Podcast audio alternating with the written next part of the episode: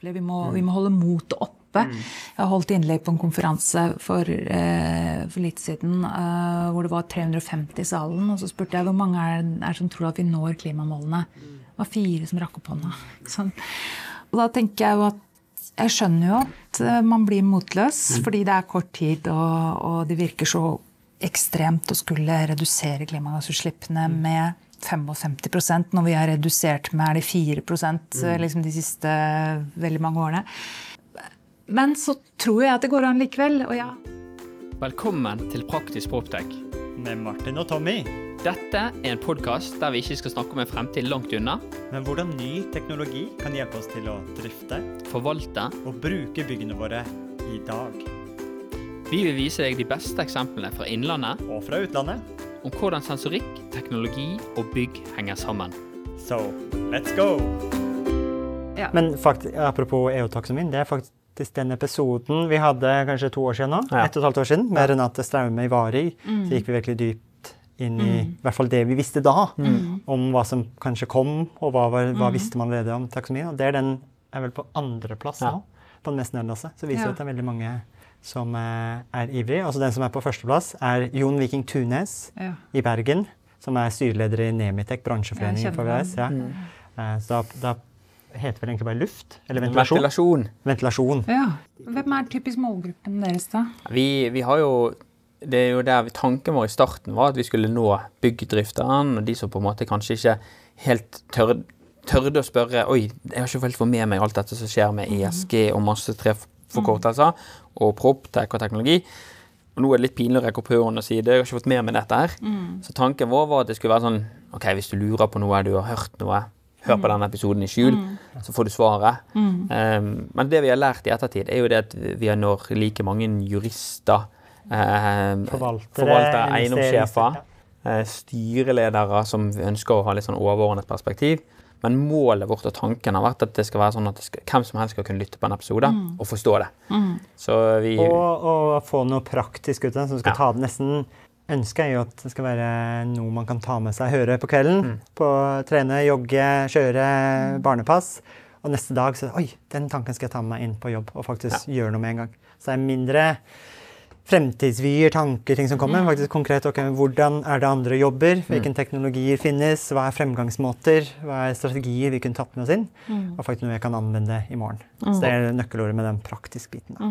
Og hele tanken og bakgrunnen for at vi startet Praktisk Proptek, det var egentlig at eh, vi var litt misfornøyd med at vi syntes at det gikk ikke Vi var ikke så flinke. Vi gikk ikke fort nok. Den adopsjonen for ny teknologi det gikk for sakte. Og istedenfor å sitte og, og at meg og Martin satt og klaget over det og under covid, så var det egentlig at ok, men la oss gjøre noe. La oss skalere opp. Istedenfor nå kan ikke vi gå på foredrag, for nå er det covid og litt sånn. Kanskje vi skal ta og prøve å skalere at det er jo mange som er flinke. La oss finne de gode historiene, dele de, og så skalerer vi liksom budskapet med at vi må gjøre noe i dag. Det hjelper ikke å sitte på et gjerde. Og sånn sett så er kanskje det litt lignende til hvis man går noen år tilbake, når Grønn byggallianse starta. Vi ser for kanskje var det en lignende frustrasjon. Vi må måtte eh, akselerere adopsjonen av bærekraftig tankesett i byggebransjen. Mm. Om det var det? Ja, det, vi man var i hvert fall opptatt av eh, litt andre ting den gangen enn det var nå. Eh, da var det jo en helt konkret problemstilling at man oppdaget at det var PCB lysarmaturer. Eh, og så kom myndighetene med et krav om at alle lysarmaturer med PCB måtte fjernes. Og så var det mange byggeiere som sa ja, myndighetene de snakker om så mye, og det skjer liksom ikke noe. Og så hadde de egentlig to år på seg på å gjøre noe med det. Og det var ingen som gjorde noe med det. Og så plutselig så kom myndighetene tilbake da, og sa ja, nå har de to årene gått, har dere fjernet det, nå kommer vi på kontroll. Oh shit. Det, nei, mente dere noe med det? Nei, vet du hva, vi aner ikke. Hvordan skal jeg vite? Skal jeg ta bort alle lysamaturene? Det må jo koste masse penger. Hvordan skal jeg kartlegge? Og så var det liksom og så hadde Statsbygg de var de eneste som faktisk hadde jobbet seriøst med det. Eh, og de hadde da laget et opplegg for kartlegging og liksom noen maler man kunne fylle ut. Og sånn. Og så var det mange som sa åh, kan ikke vi få låne dem? og så fant hun liksom ut at ja, men kanskje er det mer vi kan samarbeide om. Man trenger jo ikke å finne på kruttet på nytt hver gang. Eh, og så Ja, det var noe av bakgrunnen. Så det var liksom en konkret problemstilling som faktisk utløste et behov. Okay. Men det, og eh, formidle, dele praktiske, gode eksempler som gagner hele bransjen. Så sånn sett er det kanskje, kanskje en sånn eh, Ikke søsken, men i hvert fall eh, i samme familie, da, i forhold Ja. til samme dugnadsånd. til å lykkes. Men var det da Statsbygg som var en av initiativtakerne, eller hvor- hvor- hvordan 20, 20, 21 år tilbake sa- satte vi i gang? Hvem var det som sa her må vi gå sammen? Og ikke bruke de eksisterende organisasjonene. Så Norsk Eiendom fantes jo der, kunne jo vært et samlingspunkt. Men man, her må vi faktisk starte noe nytt. Ja, jeg kan fortelle en historie, men har vi startet? Ja. Det, er det, det er det som er unikt med Praktisk Proptech. Du vet aldri når vi starter. Nei, nei, men da kan jeg fortelle den historien. Um, forløperen for Grønn byggallianse var jo eh, noe som het Økobygg, som var et sånn femårig program hvor næringen og myndighetene hadde gått sammen om et femårig stunt eh, og samarbeidet. Og så var det femårige programmet avsluttet, og så fant man jo ut at det egentlig var ganske smart å samarbeide. Eh, og så kom denne konkrete problemstillingen opp, som jeg snakket om. Eh, Og da var det en eh, som jeg hadde jobbet sammen med i mange år, som het Erik Hammer, og jeg, som fant ut at eh, skal vi ta initiativ til å opprette et eh, nettverk hvor man kan dele erfaringer og dele eksempler eh, og lære av hverandre. Og så inviterte vi tolv selskaper, eiendomsdirektører fra tolv eiendomsselskaper, hvor Statsbygg var en av dem, men, og Forsvarsbygg var en. NSB Eiendom, så det var litt noen offentlige, og ellers så var det en rekke private. Til en eh, middag på Gamle Losjen i Oslo, Oi. som Forsvarsbygg da hadde eh, eh, lokaler hos. Og så eh, spurte vi om de hadde lyst til å etablere eller være med på å starte et nettverk. Ja, sa alle sammen. Det har vi lyst til. Vi skjønner at eh, dette med miljø og bærekraft og sånn, det er noe som vi må kunne om. Og det kommer, og det kan vi altfor lite om. Så det vil vi gjerne samarbeide om. Og så ble Grønn byggallianse etablert eh, med disse tolv eiendomsselskapene for 21 år siden. Og så ja, så var den første saken som vi jobbet med, det var jo dette PCB i lysarmaturer. Men så kom det jo flere saker. Så var det forurenset grunn som var tematikk. Skal vi la den ligge? Skal vi fjerne den? Hvordan gjør vi? Er det noen som har noen tips og ideer og maler eksempler vi kan dele der? Så det var en, en viktig problemstilling i starten. Og så var det energieffektivisering, som også kom inn tidlig. Eh, Så det var mye av det vi jobbet med helt i starten. Og så vokste jo da og ble flere og flere medlemmer. Men det var jo fortsatt liten organisasjon, og Erik og jeg vi gjorde dette her på deltid. Eh, Det var ikke noe fulltidsjobb den gangen, det var ikke penger til det liksom på medlemskontingenten. Men vi gikk inn, eller medlemmene de gikk inn med penger til enkeltprosjekter i tillegg til medlemskontingent, liksom når det var noe som de var interessert i som skulle gjøres. Og så vokste det jevnt og trutt eh, fra 2002. Eh, og så kom vi da til 2010 ca. Eh, da sa medlemmene at vet du hva, eh, det var fortsatt eiendomsselskaper, da var det 34 tror jeg som har blitt den gangen. At nå begynner det å gå inflasjon i å kalle seg bærekraftig og grønn. Og eh, alle skryter av at vi har det mest miljøvennlige bygget og vi er det mest miljøvennlige selskapet. Sånn, vi, må, vi må ha en eller annen standard, eh, et eller annet eh, tredjepartssertifisering. Mm. Vi må hindre grønnvasking. Og dette var, Når var det man begynte å si det? 2010? Eh, 2010, ja. Ok. Og så ehm, fikk da vi, eh, Erik og jeg, i oppgave å se på forskjellige miljøsertifiseringssystemer som fantes. Og da tittet vi rundt omkring i verden, og så så vi på eh, et engelsk system som het eh, Bream. Så så vi på et amerikansk som het Lead. Så så vi på et australsk som het Green Star. Og så fant vi ut at den var den samme personen som hadde flyttet fra England til USA til Australia og drevet og utviklet disse systemene, en som het Nigel Howard. Eh, og så vi at det var egentlig ikke så stor forskjell på, på disse systemene. Men en viktig forskjell var at det var bare eh, Bream som fikk, man fikk lov å gjøre en nasjonal tilpasning av. Og vi tenkte at hvis norsk byggebransje skal oversette alt de gjør til amerikanske eller australske standarder, så blir jo det fryktelig mye jobb. Så da landet vi på. eh, Vi hadde en eh, referansegruppe som så Vi var flere som, som satt og jobbet med dette her, men eh, vår anbefaling da til eh, det som het strategisk råd den gangen, som besto av daglig lederne hos alle eh, medlemsbedriftene, eh, la fram en anbefaling at vi går for ett system i Norge. I Sverige så, og Danmark hadde de tilsvarende prosesser på den tiden, men svenskene bestemte seg for at eh, vi går for alt, vi. Det er liksom, så, kan folk selv velge. Mens i Norge så sa de nei, vi går for ett system. Vi er et lite land, og det er bedre å satse skikkelig på én ting. Og så valgte man da å, eller gikk det inn for vår anbefaling, som var å, å ta Bream til Norge og gjøre, lage Bream Nord. Så første versjon av Bream Nord kom da i eh, 2012.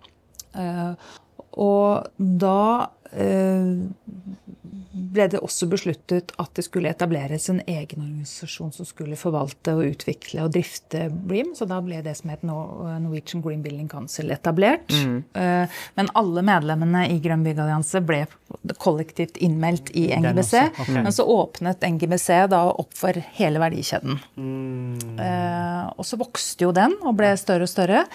Mens Grønn byggallianse fortsatte å være en ren byggherreorganisasjon. Um, og som jobbet med ja, fortsatt å spre inspirasjon, spre eksempler, jobbe med hele bærekraftspekteret, men mest med det miljømessige bærekraft. Eh, mens Norwegian Green Building Council bare da jobbet med sertifisering. Men så eh, etter hvert så begynte organisasjonene å bli mer og mer like. Og så fant vi jo ut da igjen at i en sånn lite land som Norge så er det jo dumt å konkurrere. Eh, Da er det bedre å samarbeide og slå seg sammen. Så i 2018 så bestemte da de to eh, årsmøtene at eh, vi skulle slå sammen igjen. Det som egentlig hadde vært det fra starten. Da.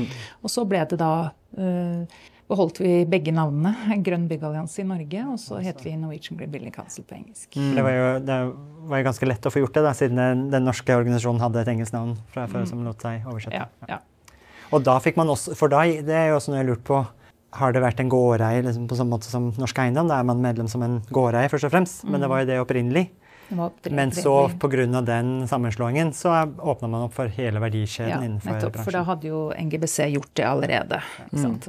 Og eh, omtrent på den tiden så meldte NGBC seg også inn i World Green Building Council, som er da en verdensomspennende organisasjon som har eh, hvor det er, Nå er det 77 søsterorganisasjoner, men Green Building Councils i 77 forskjellige land. Mm.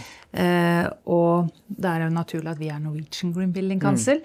Mens våre søsterorganisasjoner de jobbet egentlig mye mer likt sånn som Grønby Gallians gjorde. Eh, ikke nødvendigvis med sertifisering. Noen sertifiserer, men andre gjør det ikke. Men de jobbet jo da med eh, det å spre kunnskap, eh, være et eh, en hub hvor medlemmene deler erfaringer, spre gode eksempler, eh, jobbe med rammebetingelser. Altså alle de tingene som Grønby byggallianse gjorde. Og det gjør jo da den nye organisasjonen. Da. For det er det som det- Hvis du skal si de andre foreningene som vi, vi kjenner godt Vi kjenner godt til no, Nemitek, Norsk energimiljøtekstforening, Norsk Eiendom. Men det som skiller dere litt ut, er at dere òg har veldig store internasjonale eh, connection rundt om i verden, mens, mens det har gjerne ikke Nemitek på samme måte, Martin.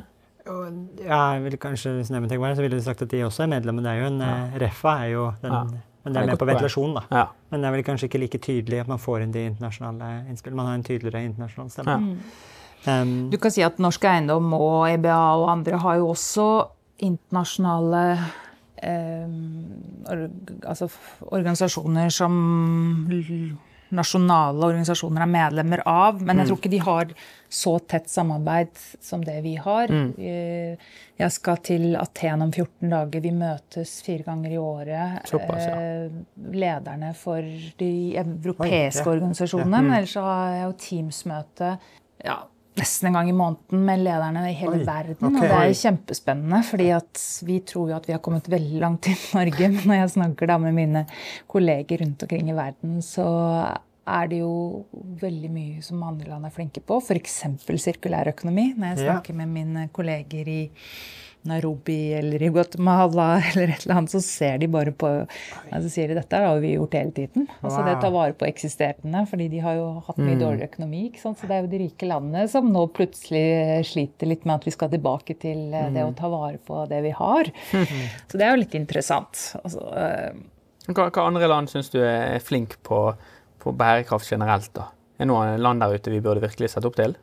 Altså, Nederland gjør veldig mye. Ja. Eh, vender stadig tilbake til Nederland. Men jeg, jeg syns jo at hvert land har jo kanskje et område hvor de er ekstra flinke. Hvis vi bare tar her i Norden, da, så har svenskene jobbet mye med miljøgifter. Har gode systemer for det. og eh, Danskene har vært veldig gode på energieffektivisering. Selvfølgelig fordi de har hatt dyr energi eh, og mye fossil eh, energi. Eh, finnene har vært gode på inneklima. De hadde jo en sånn M1-merkning og, og har eh, jobbet mye med Hva slags merking var det? Eh, M1 heter det. Det er en sånn, de var tidlig ute med å merke materialer i forhold til avgassing, Mm, f.eks. Okay, ja. Noe som resten av Europa har adoptert etterpå, men var tidlig ute på det. Så at, og, mens vi i Norge eh, var tidlig ute med å jobbe med klimagassregnskap Statsbygg hadde jo klimagassregnskap.no, ikke sant? og det var noe som vi tok med oss ut. Mm. så jeg syns nettopp det at vi er flinke på forskjellige områder. Så, så I Europa så har Nederland vært flinke på sirkulærøkonomi og jobbet mye med det. Så det kommer jo gjerne til Nederland. Eh, snakk om. Eh, så, Som også blir mye mer relevant nå når vi går inn i en økende bølge av eh, rehabilitering, retrofit. Nettopp. Og vi hadde jo siste episode, to episoder tilbake, så hadde vi Birte Espeland fra Proptech Innovation og pratet om Kon-Tiki-prosjektet deres og donorbyggregisteret. Men vi var òg i utlandet forrige, for en episode siden eller to òg. Da var vi i eh, Belgia. Belgia. Og da var det veldig mye snakk om dette med energikarakterer og disse byggene som De brune byggene som kanskje ikke blir lov å leie ut lenger. Ja. Eller kanskje ikke bare kanskje lenger. Nå er det vel begynt å blitt veldig reelt. Og det er jo mye av den konteksten her i Norge blir jo satt på eh, EU-nivå. Så det var han, han Dirk Paling, som er leder i European PropTech Association, så har jo sittet veldig tett på disse. Det blir en alfabetsuppe av SFDR, nye rapporterings, eh, Corporate Reporting Directive, eh, nye krav på hva man faktisk Igjen til å unngå grønnvaskingen, men det kommer jo også til å sette krav på de nye EPC-ene for bygg. Eh, energisertifiseringen for bygg. Og nå er jo de indikasjonene vi fikk der, nå allerede kontorbygg under visse karakterer kan man ikke få leid ut.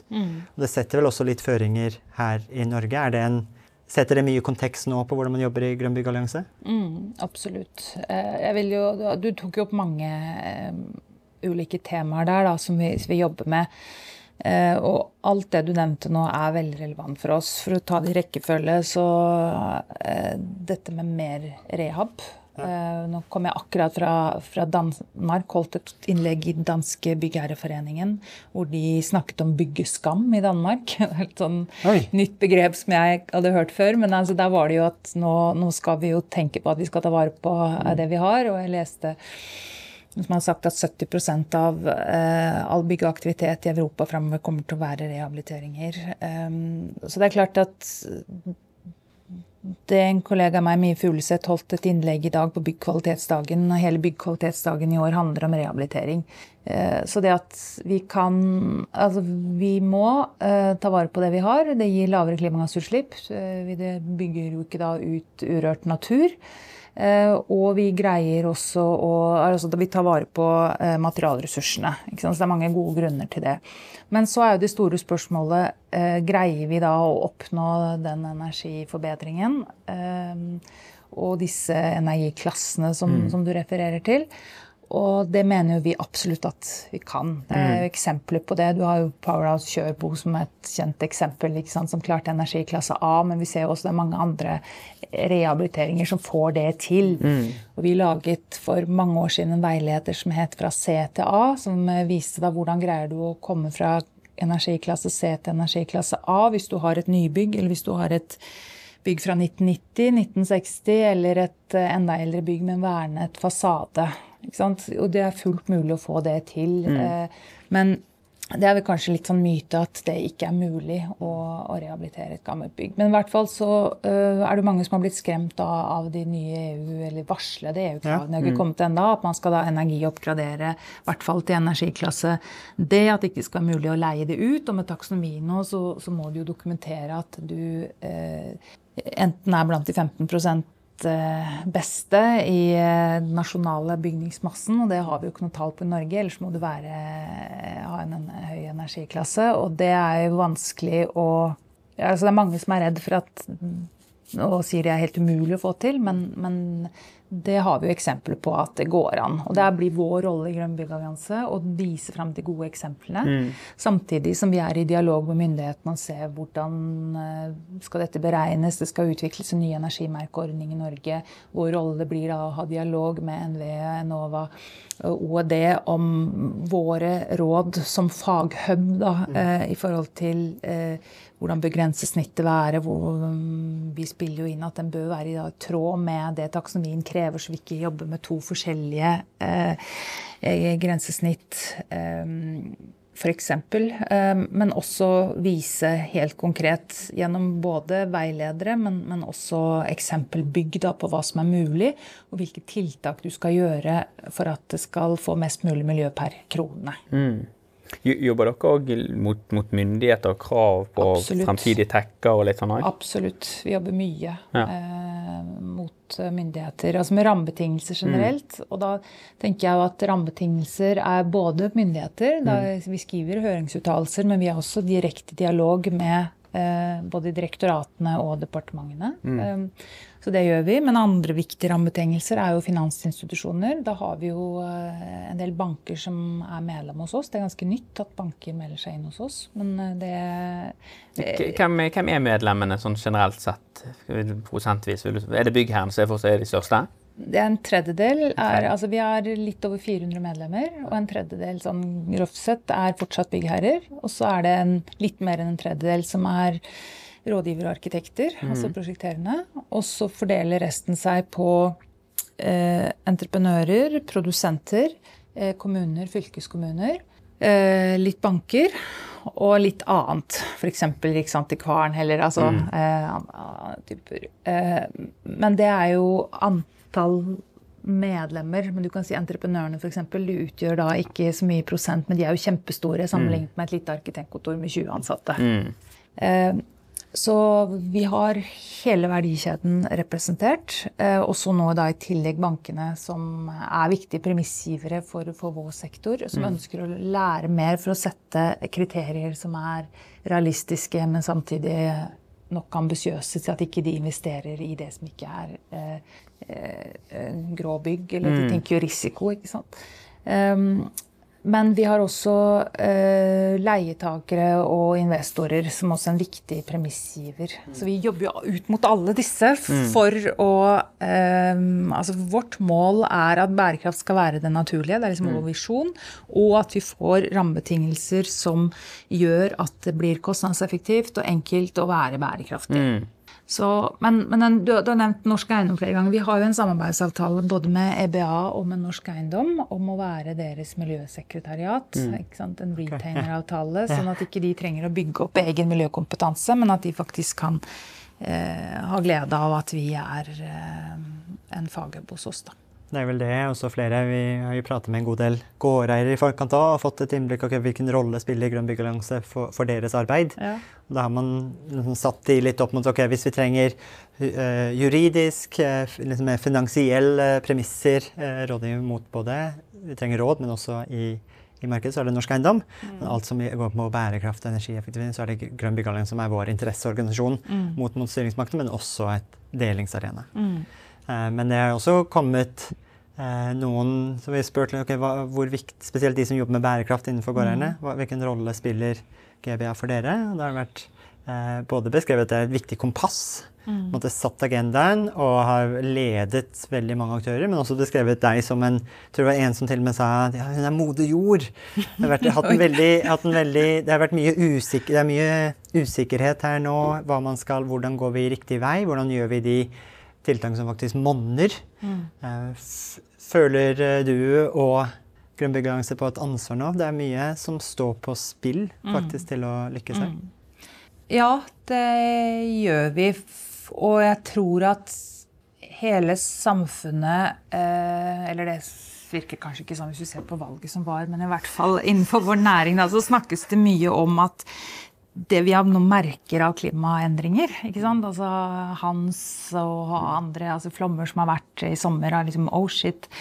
Eh, nå er vi der. Mm. Eh, nå har vi travelt. ikke sant? Det hører jeg veldig ofte. Jeg reiste fra 120 millimeter i Bergen i dag. Ja.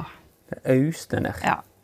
Og jeg, jeg, tror faktisk det har påvirket oss. Uh, og at det går opp for mange at det er veldig kort tid til 2030. Mm. Um, og at jeg opplever, det har jeg for så vidt gjort hele tiden, men i større og større grad, at det er mange som har lyst til å gjøre noe. Mm. Uh, og at For jeg er ofte inne i ledergrupper hos våre medlemmer, og så snakker jeg jo mye om uh, at det lønner seg å, å, være bærekraftig, og at det lønner seg å være fremtidsrettet, forberede seg på endrede rammebetingelser, endrede krav fra leietakere, eh, taksonomien osv. Og, så og så ser de på meg og sier de, ja, men Katarina, vi gjør jo ikke dette bare for å tjene penger. da. Vi gjør jo dette også fordi at vi føler at vi har lyst til å bidra. Eh, vi har lyst til å bygge noe vi er stolt av. Kunne kjøre forbi et prosjekt med eh, samfunnsengasjerte barn eller barnebarn i bilen. Si at dette her har jeg vært med på, og det er eh, sant, energiklasse A, og det er BLIM-sertifisert osv. Altså, det der personlige engasjementet det føler jeg jo har vært hos medlemmene våre. Og fra ledernes side helt fra starten, fra vi startet for 21 år siden. Eh, men kanskje i, bare i større og større grad. Og så føler jo vi da at de ser på oss, og, vi sier at eh, hos oss så får du vite hvordan. Mm. Og det tror jeg bare vi forsterker nå i enda større grad. Vi må vise eksempler. Vi må, mm. vi må holde motet oppe. Mm. Jeg har holdt innlegg på en konferanse for, eh, for litt siden eh, hvor det var 350 i salen. Og så spurte jeg hvor mange er det som tror at vi når klimamålene. Mm. Det var fire som rakk opp hånda. Mm. Sånn. Og jeg tenker at vår oppgave er jo da Det var eiendomskonferanse? Nei, ja, det var Samspillskonferansen. Men det var jo veldig mange fra eiendom. Altså det var innenfor byggsektoren, da, men det var jo hele verdikjeden. Og da tenker jeg jo at Jeg skjønner jo at eh, man blir motløs, mm. fordi det er kort tid, og, og det virker så ekstremt å skulle redusere klimagassutslippene med 55% når vi har redusert med er det 4 mm. liksom de siste veldig mange årene. Men så tror jeg at det går an likevel. Og jeg har jo også hatt fortid som, eh, som rådgiver, jobbet i prosjekt, eh, sett at eh, ja, men liksom med noen forholdsvis små grep så greier man å redusere klimagassutslippene uten ekstra kostnader mm. for, med 20 f.eks. Mm. Vi har gitt ut en veileder sammen med EBA og Norsk Eiendom så, som viser det. Vi ser jo at det går an å rehabilitere eh, til både Bream Outstanding og energiklasse A. Og det er ikke rocket science i mm. disse byggene. Vi ser det, det som dere jobber med innenfor Proptech. Utrolig mye spennende som mm. kommer. Jeg sitter i juryen til eh, Byggenæringens innovasjonspris. Ser de forslagene som kommer inn der, så blir jeg veldig oppløftet og tenkte at yes, dette, her, eh, dette får vi til. Og ikke minst når vi ser på den kommende generasjonen. Så de utrolig flinke folk eh, som kommer inn og presenterer eh, nye ideer, mm. tenker at ja, det, det, det, klarer vi. Og jeg tror at den største utfordringen inntil nå har vært at vi gjerne gjør ting sånn som vi alltid har gjort det. Mm. At, for vi har teknologien. Vi vet at ikke det trenger å koste penger, men det er lett å gjøre sånn som vi alltid har gjort det og det har selvfølgelig også med penger og risiko å gjøre. Er, jeg skjønner en VVS-rådgiver som velger den gamle løsningen fordi at de sier at ja, hvis det noe går galt, så er det jo oss det henger. Da vil jeg gjerne gjøre mm. det sånn som jeg vet funker. Ja. Og samtidig så vet vi jo at eh, jeg pleier ofte å sitere Einstein som sier at eh, du kan ikke løse morgendagens problemer med gårdagens løsninger. Og det er jo liksom egentlig kjernen i hele utfordringen i vår næring. Men så kommer det altså eh, unge nyutdannede rett fra skolebenken. Eh, gründere eh, som er, har en helt annet syn på eh, hvor viktig miljøet er, mm. og som har lyst til å prøve noe nytt. Mm. De sitter ikke med en gammel erfaring som de er nødt til å reprodusere. Og kommer med kjempespennende løsninger. Det, det er jo litt, Vi har jo eh, når vi startet eh, dette prosjektet med podkast og liksom få, få frem budskapet, så husker jeg de første episodene så husker jeg vi møtte utrolig mange som mente at teknologi var nei, det var så ustabilt, og det var ikke løsningen. og nei, det, vi, vi, må liksom fortsette å kable byggene våre ned. Mm. Og så tror jeg det tok bare 30 episoder. Så begynte vi å se en sånn samstemt egentlig VVS-bransje, Proptech-bransje og eiendomsbransje. Så var det sånn Dette er jo fremtiden. Det er dette vi må gjøre. Mm. Vi til og med et sitat fra Jon Viking Kunes. Jeg tror han sitat sa jeg tror bilen når jeg hørte om dette Nå får ikke jeg gjort du si Nei, men det gjør det bra, du. ja, når jeg hørte det, du begynte Nei, jeg får ikke til det. Han sa, han sa jeg fnøs litt av dette her proptech-begrepet når jeg hørte det først, men selvfølgelig er jo dette her en del av fremtiden. Ja. Og, det, det, var sånn, jeg tror det var litt viktig for oss å si at ok, men nå kommer Litt sånn som du sa med den Vi har, vi har bare spart noen prosenter hvert år, så skal vi liksom nå opp her oppe. Så er det kanskje at vi får den hockeystikken, da. Mm. På samme måte som jeg føler adopsjon til, til byggeprosjekter. Men, men det er én ting jeg føler gjenganger i alle episodene våre, og det er de siste ti, i hvert fall, når vi snakker om gjenbruk og ombruk. Mm. Og så snakker vi om at rådgiverne gjør kanskje det de har gjort, fordi de har en veldig høy mm. risiko. Og jeg fikk en telefon i går fra en gårdeier som sa jeg er så frustrert, for nå skal vi rehabilitere et bygg. Mm. Og uh, uansett hva rådgivere bruker, så skal vi ha 25 kubikk hver kvadratmeter. Mm. Da må vi rive alle kanalene, mm. vi må opp med nye aggregater. Vi må faktisk opp med to flere aggregater. Mm. Og, og jeg, jeg, får ingen med meg på å ta med denne risikoen sammen med meg. For det, det, er som sagt, jo, jeg kan overleve at når det er 25 grader i Bergen den mm. ene dagen i mm. året, mm. og, og, ingen er på kontoret, så kan jeg overleve at det blir 25 grader på kontoret. Men, men hvordan får vi til den endringen? For det må jo helt det tenker jeg det må helt opp til politisk, nesten. dette her. Ja, det er jo for det er mange som tror at det er lovverket som sier det, men det er en kultur å gjøre. altså for 30 år siden så jobbet jeg som gjesteforsker på Statens byggeforskningsinstitutt i København, på inneklimaavdelingen. Og selv da eh, og da jeg ble kjent med Jon Viking Tunes. Da jobbet vi som energirådgivere begge to. Men i hvert fall, eh, da var det sånn Mine danske kolleger da spurte hva i verden er det dere driver med i Norge? Da var liksom Gaute Flatheim som snakket om hvor utrolig viktig det var med all denne luften. Hva skal dere med all den luften? Mm. Altså, det var Eh, eller du kunne gå da på universitetene hvor, eller på NTH som det het en gang, hvor liksom studentene lærte at ja, men så mye luft det måtte man ha. Mm.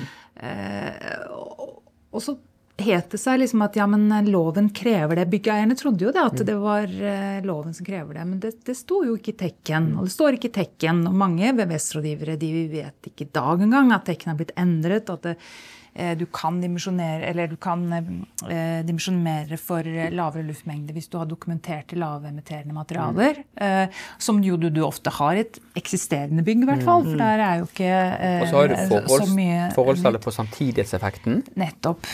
og det er akkurat som du sier. altså Du putter disse dataene inn i et regneprogram som forteller deg da at du får en peak. Mm. Og så må du jo da gå inn og se at jo, den peaken den blir den dagen det er 30 grader grader klokka fem om ettermiddagen i juli måned. Og da er kanskje folk enten på stranden hvis ikke de er på ferie. Eh, og de som sitter på jobben, de kan kanskje leve med det. Og så kan du spandere is på alle ansatte da, som er på jobben den dagen, istedenfor å få disse eh, Og det som, jeg, det som jeg kjenner sånn veldig nært hjertet, er jo det at alle som har vært på et bygg med overdimensjonert ventilasjon, hører jo at dette anlegget har det vondt. Sant? For det sitter og putrer og går på en ja. lavere hastighet enn det skal. Ja. Eh, gjenvinner kan nesten virke baklengs istedenfor. Ja. Og det er jo masse det er, jo, det er jo, som å kjøpe en altfor stor påhengsmotor mm. og så sitte og kjøre på laveste hele tiden. Ja. Det er ikke bra, det heller. Nei, og da er det vanskelig å regulere den. Ja. ikke sant? Så, men, men disse, disse, tingene har vi jo visst om da, i hvert fall i 30 år. Mm. Så jeg syns det er litt underlig. Og som sagt så var jeg i København forrige uke eh, og så på hva de har fått til av transformasjonsprosjekter. Altså at du har et bygg som du bruker til noe annet. Eh, og jeg skulle vise norske eksempler, og jeg var jo veldig stolt av de norske eksemplene. Men jeg må jo si da, at når jeg kom som sistemann der og hadde sett på hva de får til i Danmark av transformasjon, så, eh, så hadde de jo vel så gode eksempler der. Og, og de snakket jo også om det at eh, her må vi jo bare godta at noen dager så, så blir det varmt. Men eh, det er såpass få timer i året at det er snakk om at det gjør ikke noe. Eh, de ville ikke ødelegge byggene med eh, for mye teknikk. Eh, de hadde ikke råd til det ut fra et energiperspektiv. De var opptatt av å bevare store timlingshøyder. Ja. Så her har vi en jobb å gjøre. Og så når jeg da sier at lovverket sier det ikke, så tenker jeg da spesielt på Tekken, men det som jeg ofte blir møtt med da, er jo Arbeidstilsynets 444, mm. ikke sant? Som, eh, som Martin trodde var en fotballformasjon en gang i tiden. ja, ok. Softwaremann som kommer inn i byggebransjen, ja. så driver, sitter jeg i møte med ISS eh, om å prate om inneklima. Og sier ja, men vi bare slår i bord med 444, så det var en fotballmetafor som hadde gått meg hus forbi. Og så måtte jeg ringe Tommy etterpå. Hva betyr dette? Er det noe byggesleng jeg ikke skjønner? Ja, nei, jeg regner med leseren, nei, lytterne deres, så jeg vet hva det er for noe. Men i hvert fall da, ikke sant? Så, men da ser vi jo at det er veldig forskjellig hvordan arbeidstilsyn, arbeidstilsyn tolker det. Og jeg vet at en gang eh, hadde um, dialog med en fra direktoratet for hva det heter for noe? De som er uh, ikke de lokale arbeidstilsynene, men eh, det sentrale. Nå står det helt stille for meg. Men i hvert fall som oppfordret da til å ta kontakt hvis de kom borti noen som tolket, eh, overtolket det. ikke sant? Og man kan jo akseptere inntil 50 timer eh, hvor man går utenom. Og, og det er jo ikke alle som gjør. Eh, så man i hvert fall utnytte den muligheten. Er 50 timer midt på dagen med sol i Bergen. Det, det ønsker vi fortsatt. Det- Men jeg tenker, her, ligger, her er kanskje noe av de tankesettet, kanskje også noe Ja. av uh, tekkene henger jo litt etter i de mulighetene som ligger nå. Tenker vi spesielt på eksisterende bygningsmasse som går fra CAV, som, ikke, som har kjørt kalender, som har kjørt masse eh, faste dimensjoner i forhold til hva man antar bruken er. Um, men at vi nå med trollesensorikk, lett monterbart, mye mer løsninger som ligger innenfor Proptech-sfæren, så kan man jo på en måte konvertere veldig mye bygg med eksisterende anlegg til behovsstyrt og, og tilpasse faktiske bruk. Da. Hvordan, Ja. For vi har mye mer dynamisk bruk av, av byggene i dag. Og det er et av temaene vi har i morgen på Retrofit Bonanzaen, som vi skal ha på Proptex Summit. Det er å ta, vise fram praktiske eksempler på hvordan gårdeiere Så vi har Erlend Simonsen fra DNB prater med prosjekt i Bergen. Vi har Jennifer fra Høg Eiendom. som Kan prate om prosjekter her i Oslo. Statens vegvesen. Statens vegvesen.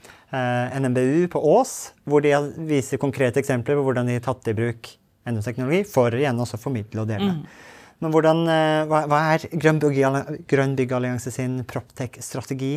Eller hvilke tanker har dere, hvilke muligheter ligger innenfor egentlig å ta i bruk nye teknologier til å oppnå de målene vi har satt oss? Nei, altså For det første, det at vi har medlemmer fra hele verdikjeden, gjør jo at eh, de som tilbyr eh, Proptech, kan jo da få anledning til å møte eh, rådgivere, arkitekter, byggherrer eh, og fortelle om det nye. Eh, eh, innenfor Vi har jo egne driftsfora. Eh, vi har ITB-forum, som er et annet forum hvor da medlemmer møtes og deler erfaringer.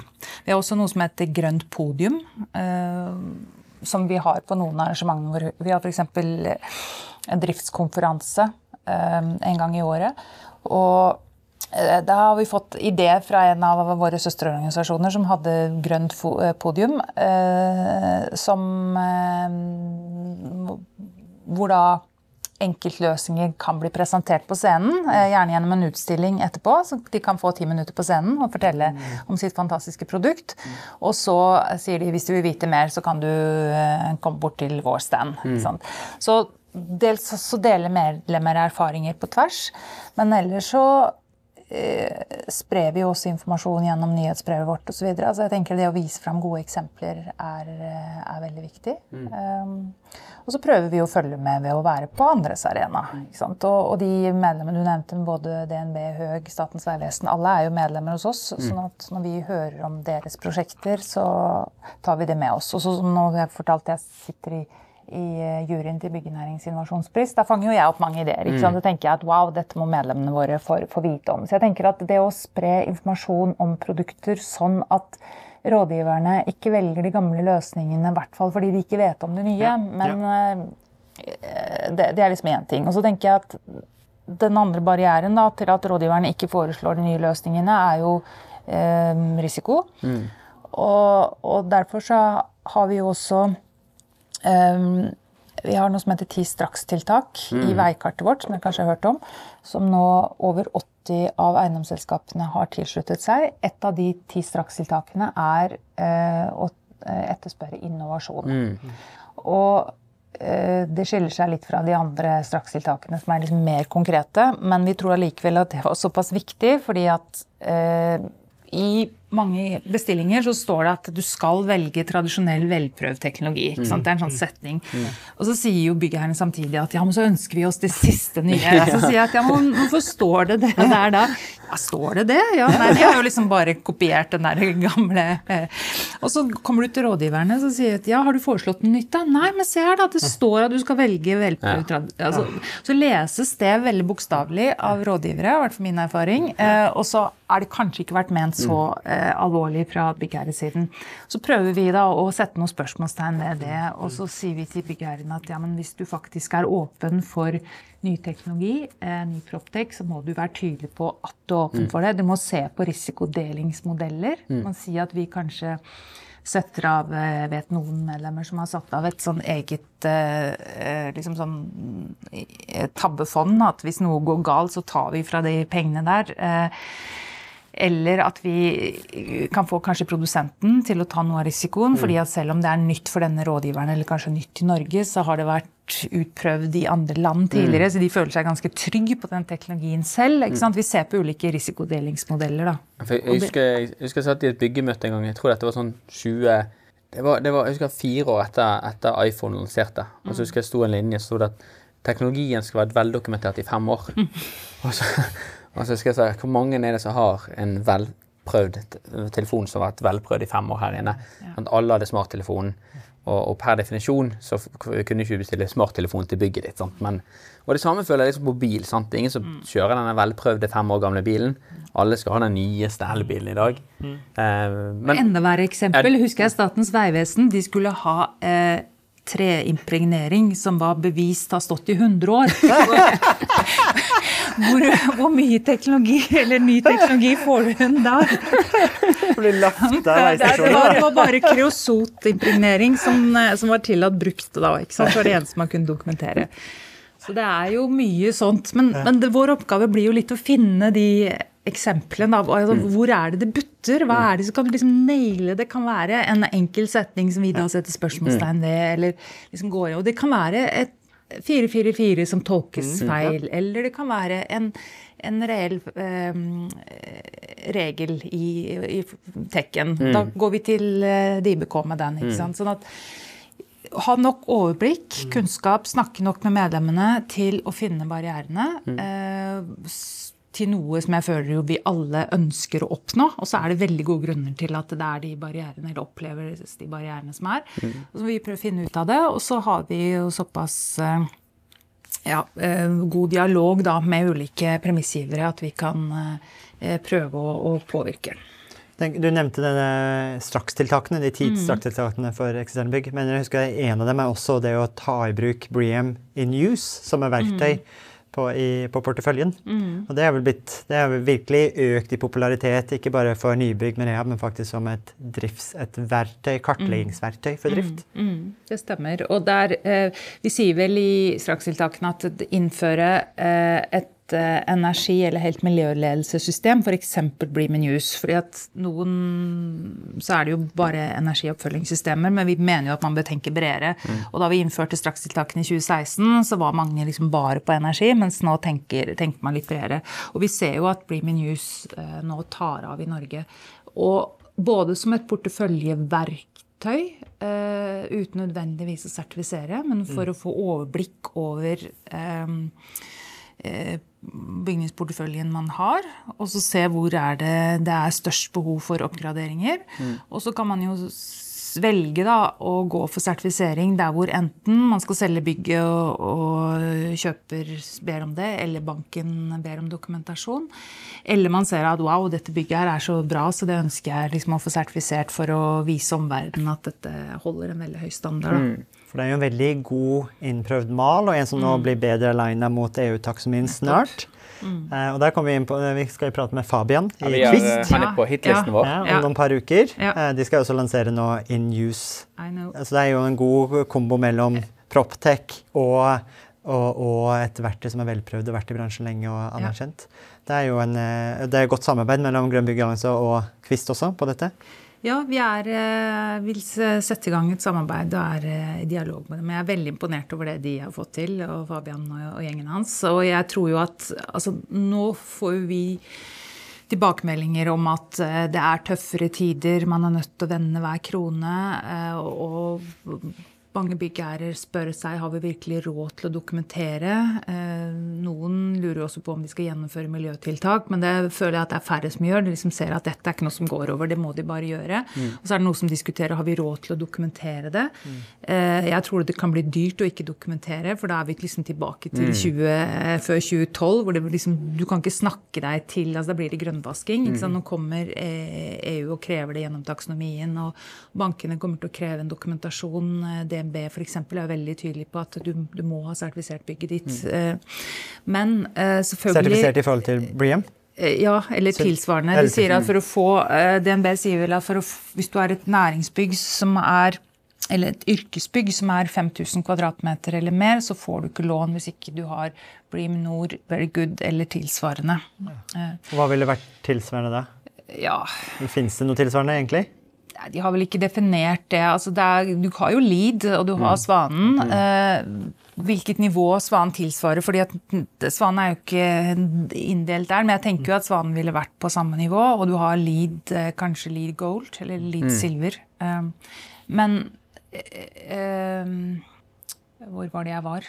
Nei, det, ganske, det, var jo banken Jo, jo i, i, forhold til dette med, med kost, altså kvist, tilbake til kvist og effektivitet. For jeg tror at eh, det blir behov for å dokumentere det man har gjort, mm. men da må man selvfølgelig gjøre det på en smart måte. Mm. Og det er jo der selskaper som Kvist kommer inn og bruker ny teknologi mm. til å effektivisere prosessen. Mm.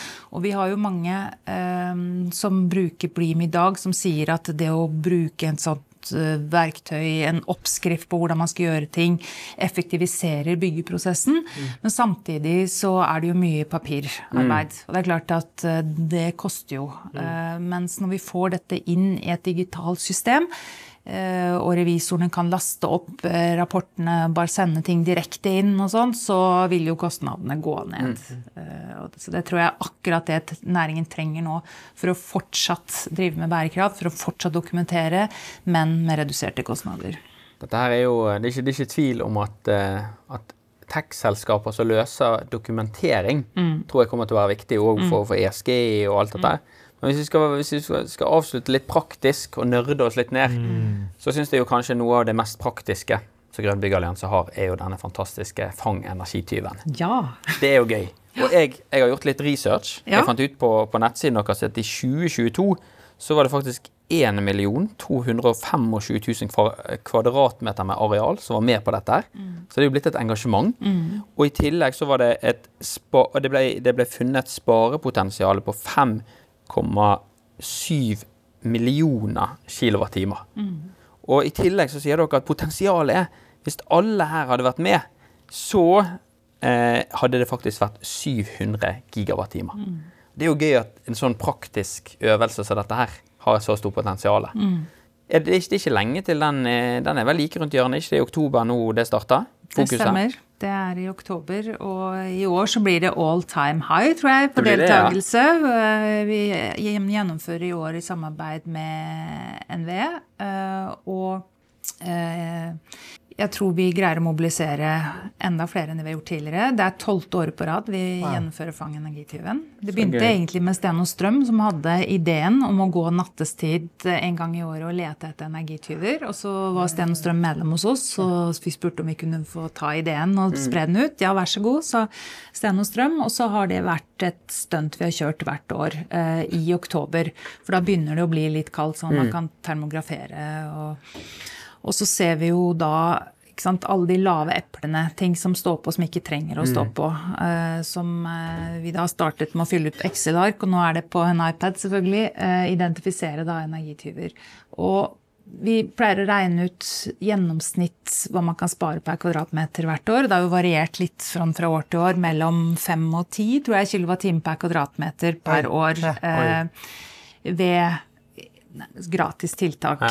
Ikke sant? Ting, altså, vi har vært på kjøpesentre hvor liksom alle gardiner var trukket ned, og sånn, men all lys sto på inne, alle TV-skjermene sto på inne mm. i en eh, elkjøpbutikk. Ikke sant? Det var eh, ja, Strøm har vært billig i Norge, mm. eh, og vi har ikke hatt så mye fokus på å, å spare på energien, mens nå har vi jo fått merke litt hvordan det er å ha høye energipriser. Så vi tror jo at det er mange flere nå som har oppmerksomheten på energisparing enn det har vært tidligere. Og så får vi da drahjelp av NVE til å få en ekstra For det er faktisk en app man går rundt med. Eh, Nå, dere har liksom hele prosessen, hele checklisten man sjekker nå på nattestid eh, som en eh, applikasjon?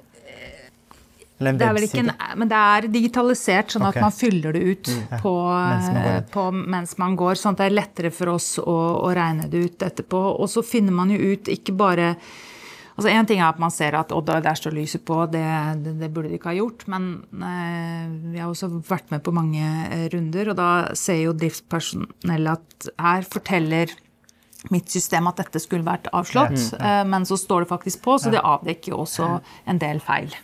Men da har dere kanskje også noe statistikk på hva er det de topp tre eh, mest vanlige energityper man finner på nattestid når man kjører denne kampanjen? Ja, belysning pleier i hvert fall å komme Mm. øverst eh, på. Og f.eks. sånn at eh, en del har jo eh, følere, bevegelsessensorer på. Og så står det allikevel på, for da har man funnet ut at man har f.eks. Securitas som går rundt. Eh, og så varer den f.eks.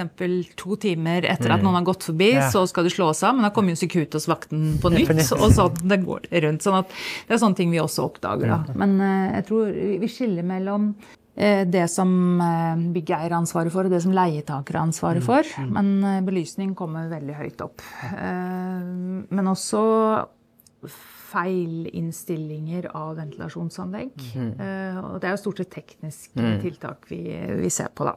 Så det er ventilasjonsanlegg, vifter og pumper, eh, og belysning. Ja. Hvem kan, være, hvem kan være med på denne uken? Dere, dere er jo motiverende og sier at dette her er enkelt. Vi har digitalisert prosessen. Er det sånn at hvem som helst kan være med? Gårdeiere, leietakere, alle? I prinsippet kan jo alle være med. Eh, Vi har jo stilt opp for de gårdeiere som er medlem hos oss, så det har vært et, eh, et medlemsarrangement. Men i år så har vi som sagt en, eh, en større kampanje sammen med NVE. Da. Så vi har jo gått ut og oppfordret egentlig alle til å, til å være med. Så å melde inn sine bygg. Alle kan være med. Betyr det at kunne vi også vært med, da?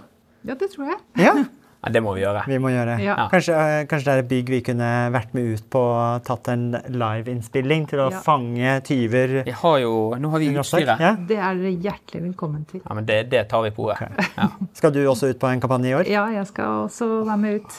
Veldig gøy. Ok, men Da finner vi oss et bygg, og så får vi rapportere hands on hvordan en sånn her kampanje Ja. går minutt for minutt. Det blir Ja. Fang energityvene minutt for minutt. Ja.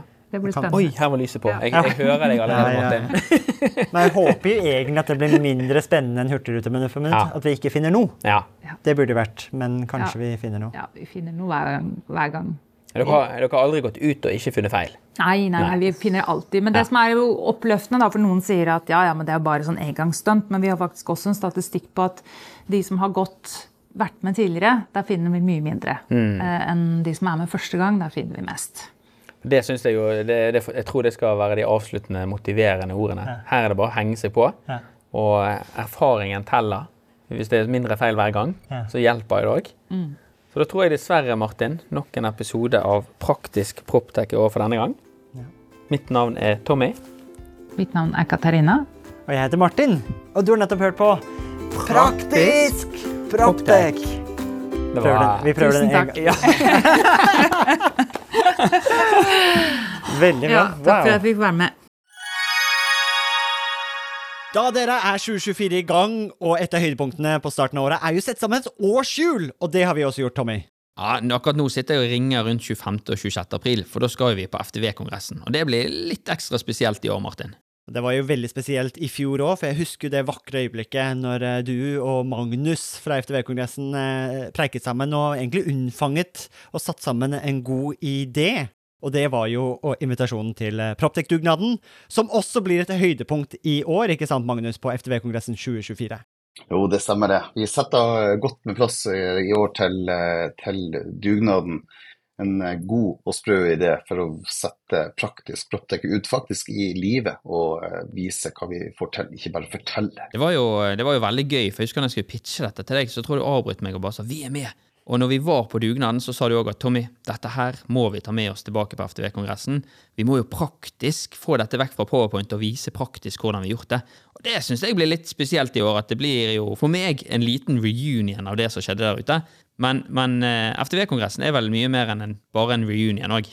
Jo da, det er en møteplass for uh, FTV Norge, og vi ønsker å skape det til en, en god møteplass for FTV Norge, som, som, tross alt tar vare på Norges største fastlandsnæring. Og da skal, vi, da skal vi ha en god arena å møtes for å se på felles uh, utfordringer og problemer, men ikke minst hvordan vi kan løse ting fremover. Og så blir uh, dugnad en sånn bekreftelse på hvordan vi faktisk kan gjøre det, istedenfor å stå og bare høre om hvordan vi kunne ha gjort det. Det er veldig kult.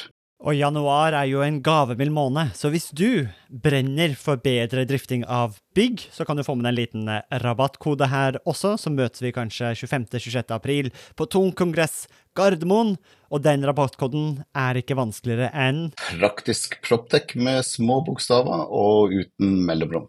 Praktisk Proptek. Praktisk Proptek, små bokstaver, ingen mellom ett ord. ftvkongressen.no, der ser du programmet. Det blir oppdatert i disse dagene, og så møtes vi i april. Vi ses! Vi ses!